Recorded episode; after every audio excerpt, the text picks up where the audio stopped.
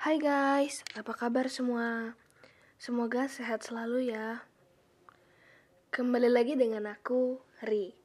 Hari ini aku mau menceritakan novel Bang Tere yang berjudul Kau, Aku, dan Sepucuk Angpau Merah. Burno, pemuda asal Borneo yang selalu memiliki banyak pertanyaan dalam kepalanya.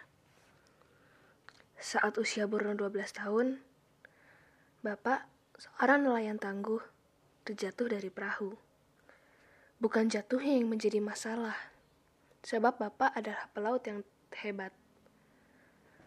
Namun, ubur-ubur menyengat Bapak. Bapak langsung dibawa ke RSUD Pontianak untuk dirawat. Saat Purno menunggu operasi bapaknya di koridor rumah sakit, seorang gadis kecil ikut duduk dengan tatapan cemas. Ternyata, meski sudah menghembuskan nafas terakhirnya, Bapak tetap melakukan kebaikan. Beliau mendonorkan jantungnya bagi pasien yang berada tak jauh dari bangsal gawat darurat. Walau Borno yakin Bapak sebenarnya masih bisa hidup jika ada keajaiban. Pagi itu, Burno memutuskan untuk berhenti dari pekerjaannya di Syah Bandar sebagai penjaga tiket. Ia akan mengemudikan Sepit, seperti bapaknya dulu. Beberapa kali ia diajari oleh Pak Tua dan juga dipelonco oleh Bang Togar. Akhirnya, ia boleh membawa penumpang. Pada hari pertama mengemudikan Sepit Pak Tua, ada seorang gadis cantik yang menjadi penumpangnya. Tak hanya itu, Bang Togar juga memberinya kejutan berupa sebuah sepit dengan namanya, Borneo. Malam itu, kejutan menunggu Borneo lagi. Itu adalah sepucuk surat dari gadis cantik yang tadi. Ia meninggalkan sebuah surat di bawah bangkunya.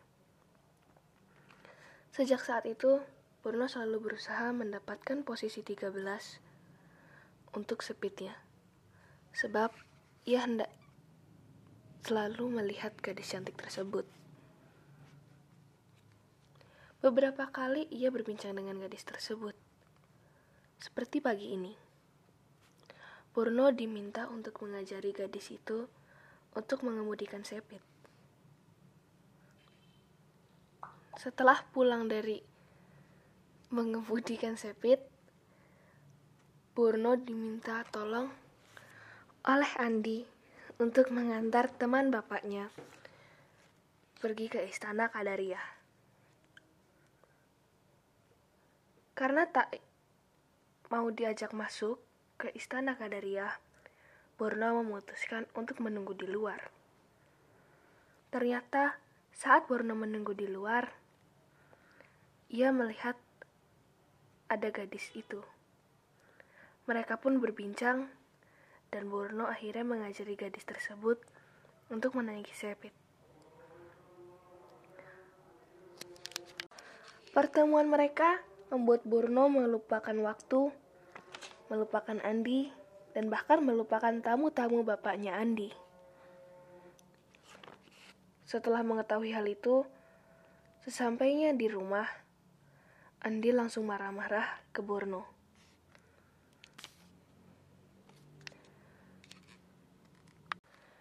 Setelah beberapa hari dari dari pertemuan di Istana Kadariah, Mei meminta Burno untuk bertemu lagi di Istana Kadariah tepat pukul 9. Tak boleh lebih, tak boleh kurang.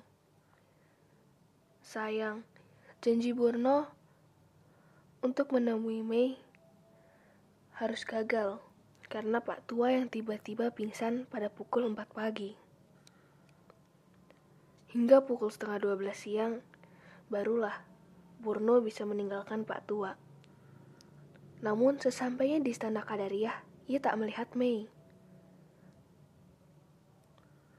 Akhirnya, Borno memutuskan untuk pergi ke tempat Mei mengajar dan meminta alamat Mei. Sesampainya di rumah Mei, ternyata Mei harus pergi ke Surabaya.